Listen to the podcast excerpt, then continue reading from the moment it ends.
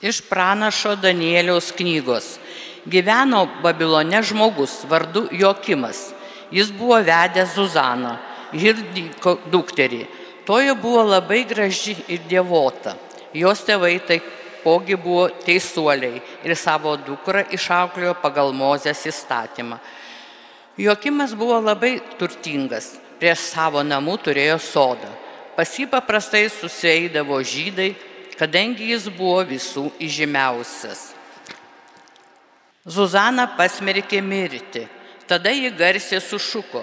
Amžinasis Dieve, tu žinai slaptus dalykus, tu visą žinai pirmą, negu tai įvyksta. Taipogi žinai, kad juodu neteisiai prieš mane parodė. Dabar aš turėsiu mirti, bet nieko panašaus nesu padariusi, ką šitie vyrai man primeta. Viešpats išklausė jo šauksmą, ją vadant, vedant mirti, Dievas pažadino šventą dvasę vienam jaunikaičiui vardu Danieliui. Tas garsiai sušuko, aš nieko dėdas, dėtas dėl šios moters kraujo. Visi atsigręžę jį paklausė, kągi tai reiškia, ką tu pasakėjai. Tada atsistojęs tarp jų vidury, jis prabilo, nejaugi tokie jūs kvaili Izraelio sūnus Neapklausę ir neištyrę parodymų, jūs pasmerkėte Izraelio dukrą. Grįžkite į teismo vietą, juk tuodu seniūnai paliudijo prieš ją neteisėjai. Skubiai visi žmonės sugrįžo atgal ir seniūnai Danieliui pasiūlė, sėsk iš čionai tarp mūsų ir pasakyk, ką mums turi pasakyti. Juk Dievas tau suteikė pirmininkystę, Danielius atsiliepė, išskirkite šituos atkirskite vieną nuo kito, aš juodų apklausiu.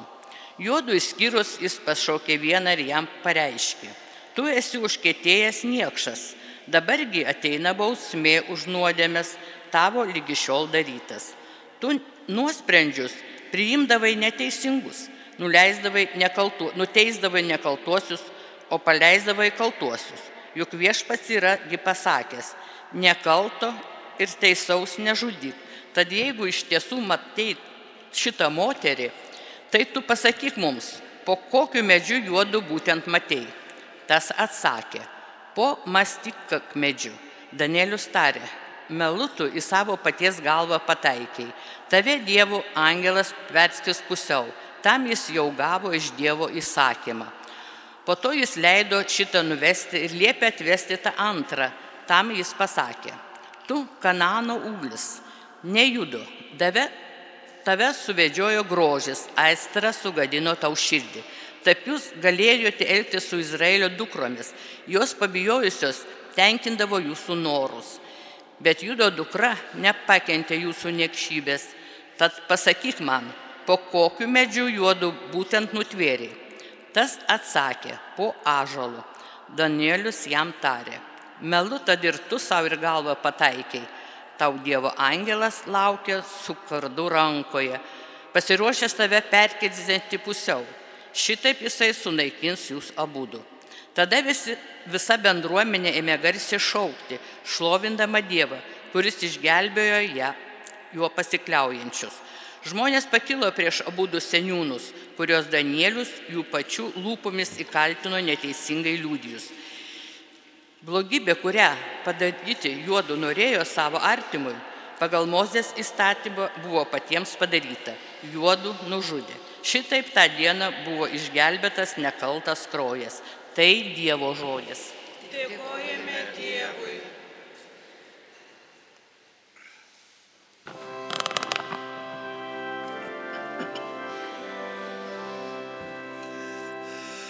Nekeliaudamas slėniu tamsiausiu, aš nebijosiu, nes tu draugė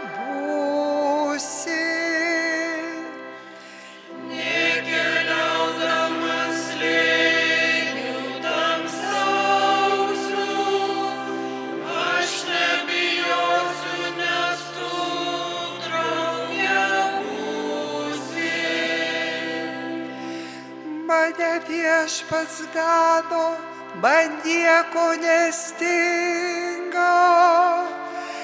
Jis mane veda, kur vešlios ganyklos žaliuoja. Leidžia man atilsėti paversmi. Manąją sielą gaivina.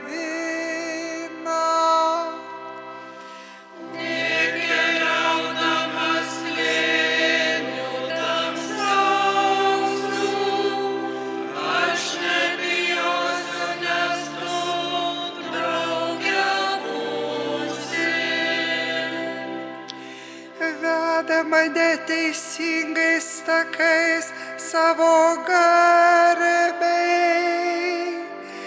Nekeliaudamas lėnių tamsiausių, aš nebijosiu, nes tu draugė būsi.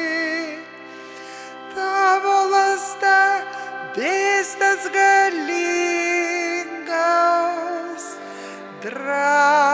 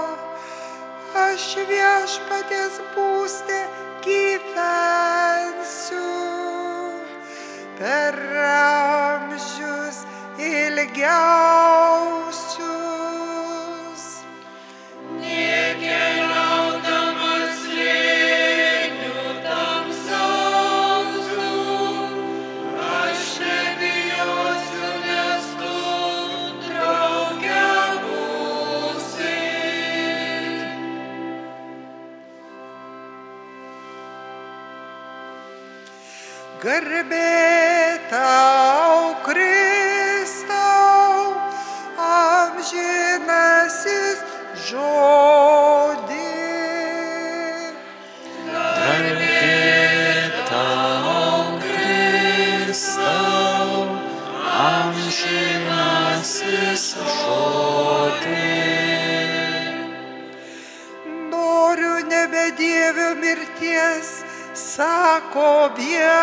viešpats, bet kad jis atsiverstų ir būtų gyvas.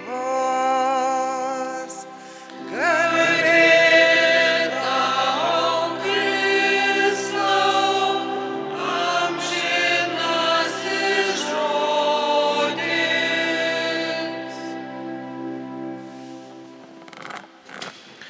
Viešpats su jumis. Pasiklausykite Šventojios Evangelijos pagal Joną. Jėzus nuėjo į Alyvų kalną, auštant jis vėl pasirodė šventykloje. Visi žmonės rinkosi prie jo, o jis atsisėdęs juos mokė. Tuomet rašto aiškintojai ir fariziejai atveda moterį, sugautą svetimaujant. Pastatė ją žmonių akivaizdoje ir kreipėsi į jį. Mokytojau, ši moteris buvo nutverta svetimaujant. Moze mums įstatymė yra liepęs tokias užmušti akmenimis. O tu ką pasakysi? Jie tai sakė, spėstami jam pinklės, kad turėtų kuo apkaltinti. Bet Jėzus pasilenkęs ėmė pirštų rašyti ant žemės. Jiems nesiliaujant kamantinėti, jis atsitiesia ir tarė, kas iš jūsų benuodėmės, tegu pirmas sviedžia į ją akmenį. Ir vėl pasilenkęs rašė ant žemės. Tai išgirdę, jie vienas po kito ėmė trauktis šalin, pradedant nuo vyresniųjų. Galiausiai liko vienas Jėzus ir ten bestovinti moteris. Atsitiesęs Jėzus paklausė, moterie, kur jie pasidėjo, niekas tavęs nepasmerkė. Jie atsiliepė, niekas viešpatie. Jėzus jai tarė, ne aš tavęs nepasmerksiu, eik ir daugiau nebenusidėk. Girdėjote viešpatės žodį.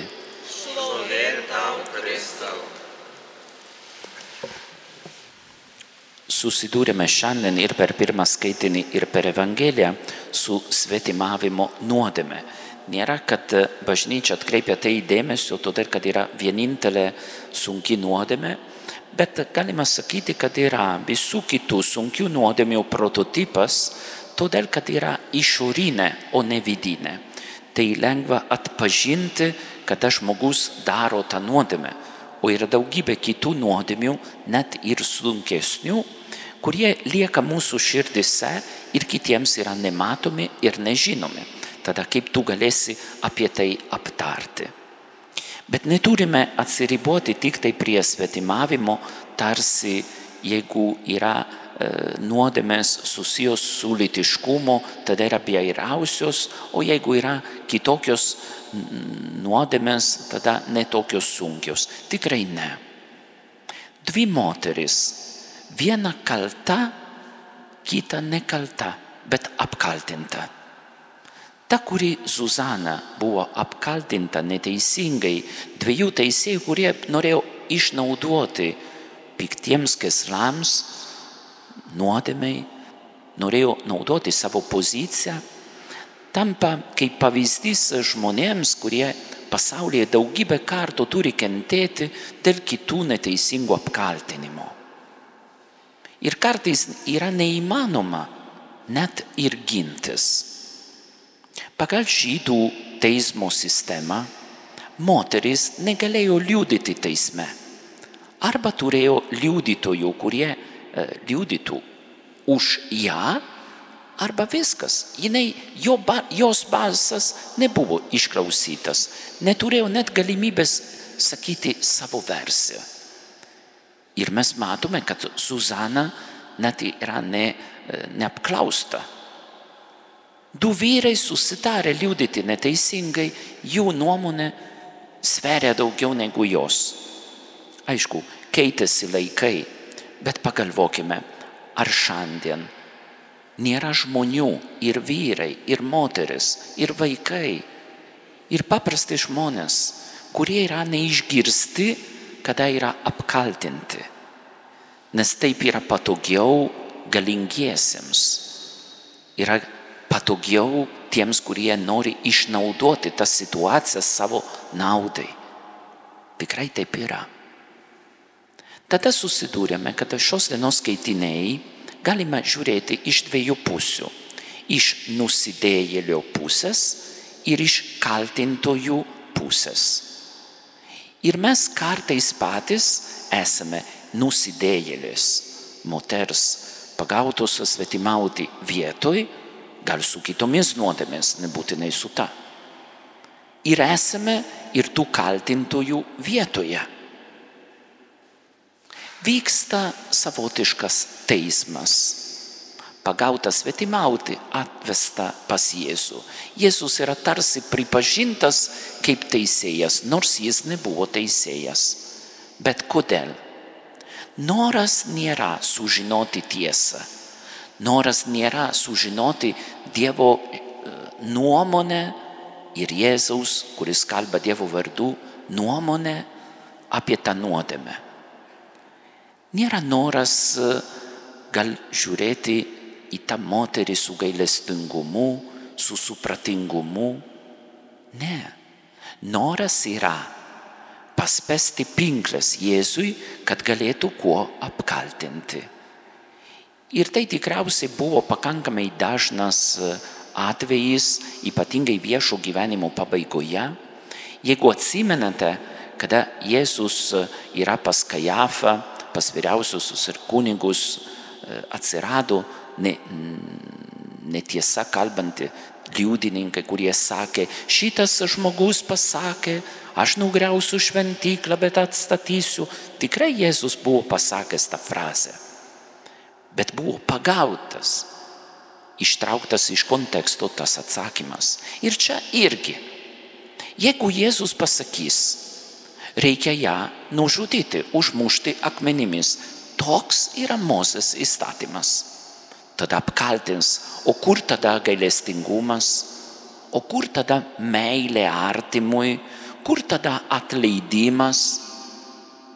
O jeigu Jėzus atsakys, nu, pabandykime žiūrėti, kodėl jinai taip nusidėjo, pabandykime žiūrėti į jo situaciją, tada pasakys, aha, jis nenori klausyti Mozės įstatymo, nusidėjo, nes mokina daryti kitaip.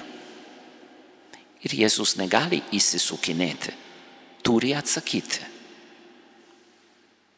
Žiūrėkime, kas buvo ta moteris, mes nežinome vardas pavardės. Labai lengvai kartais pritaikome, kad ten buvo vieša nusidėjėlė, prostitutė, kuri buvo pagauta. Ne. Prostitutės buvo neištekėjusios, buvo prastos reputacijos, bet buvo žinomos ir dėja, kaip ir šiais laikais, turėjo klientus tarp žydų. Jos nebuvo paimtos ir užmuštos akmenimis. Kas buvo svetimautoja? Ištekėjusi moteris, ne vyras, ištekėjusi moteris, kuri išduodavo savo vyrą su kitu vyru. Ir visiškai nesvarbu, ar tas kitas vyras turėjo ar ne žmoną. Nes nusidėjėlė tapdavo tik tai moteris. Tada yra paprasto gyvenimo, neapsileidusi, ne prostitutė.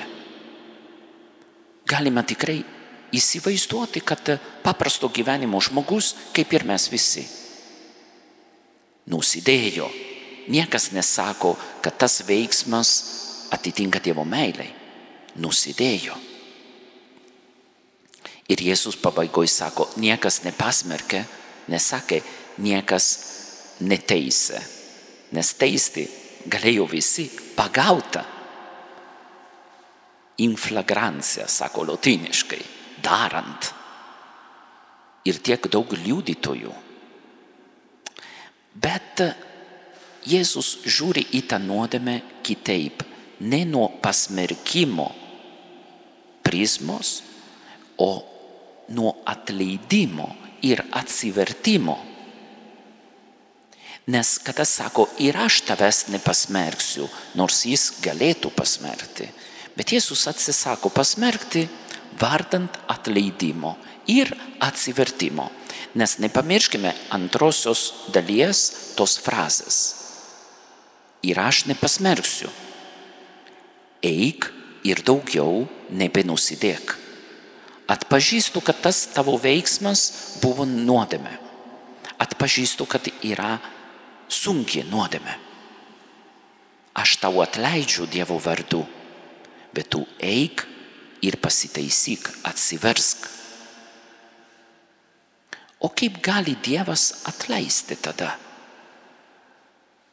Bet šis klausimas, kaip gali Dievas atleisti? ateina tik tai tiems, kurie patys ne, nenusideda, patys yra šventieji, patys žiūri kitus kaip nusidėjėliai. Nes tas, kuris nusideda, ir esame mes visi tokioj situacijoje. Statome save į nusidėjėlio, kuriam reikia atsivertimo vietą. Ir sakome viešpate, atleisk man. O kaip gali Dievas man atleisti? Atleidžia todėl, kad myli. Atleidžia todėl, kad nesidžiaugia dėl mano suklupimo, o džiaugiasi dėl mano atsistojimo, ėjimo toliau, jo pagalbos ir malonės dėka. Mes negalime atsiversti dėl savęs pačių, dėl savo jėgų, dėl savo geranoriškumo. Esame per silpni, bet galime atsiversti ir daugiau nenusidėti dėl Dievo malonės. Neatsitiktinai šį Evangeliją įrašą savaitę iki verbų sekmadienio. Ir todėl, kad Jėzus yra Jeruzalėje pagal Evangeliją šventykloje, bet ir todėl, kad daugiau žmonių šiuo laikotarpiu galvoja apie savo atsivertimą, apie savo nuodėmes, apie išpažinties sakramentą. Vakar pastebėjote, kad prie klausyklų tikrai buvo daug žmonių. Ir šiom dienom kunigams tikrai nėra taip lengva. Patikėkite, kad vargina tas sėdėjimas klausykloje. Bet tai daroma dėl to, kad Dievas mus kviečia. Yra sunku tiems, kurie išpažįsta nuodėmes ir tie, tiems, kurie atleidžia Dievo vardu. Jėzus rašo ant žemės, kada atveda tą moteris. Ir kada tie farizėjai kalba, irgi toliau ir kalba. Ir kada sako, tas, kuris yra be nuodėmės, tegul meta pirmas tą akmenį. Ir toliau rašo. Ką reiškia tas rašymas? Pagalvokime, kai vyksta teismas. Teisėjas, kaltintojas, kaltinamasis, gynėjas ir viskas yra protokoliuojamas, viskas yra rašoma, kad liktų O Dievas turi kitokį būdą būti teisėjas. Dievui mūsų nuodėmės yra surašytos ant dulkių. Ir kada pučia truputėlį vėjas, arba kai vakar pradeda lyti staigiai, arba kruša, pagalvokite, kas liktų nuo dulkių surašymo. Nieko neliktų. Kada Dievas atleidžia, naikina net tų nuodėmių prisiminimą. Jam esame mylimi vaikai, o ne buvusiai, nusidėjėliai, atsivertusiai. Mes liekame jo vaikai. Todėl mūsų požiūris į tą išpažinties sakramentą turėtų būti būtent aš einu mano nuodėmės turi būti surašytos, rašytos ant dulkių, ant žemės. Ir tas kunigas, kuris sėdė, kadangi jis pats ir nusidėjėlis, tikrai nemes ant manęs akmens. Ir aš tavęs nesmerkiu, eik ir daugiau nenusidėk.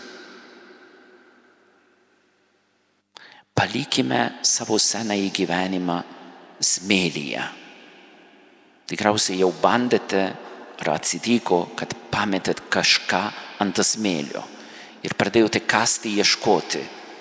Yra labai sudėtingas darbas ir labai sunkiai gali kažką atsirasti.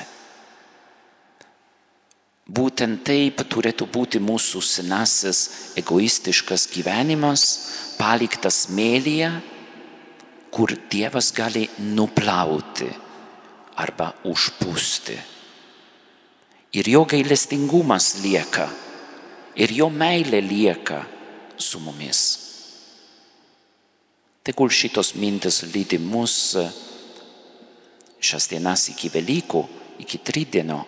Ir ypatingai melskime už tuos mūsų brolius seseris, kurie labai pergyvena dėl išpažinties sakramento.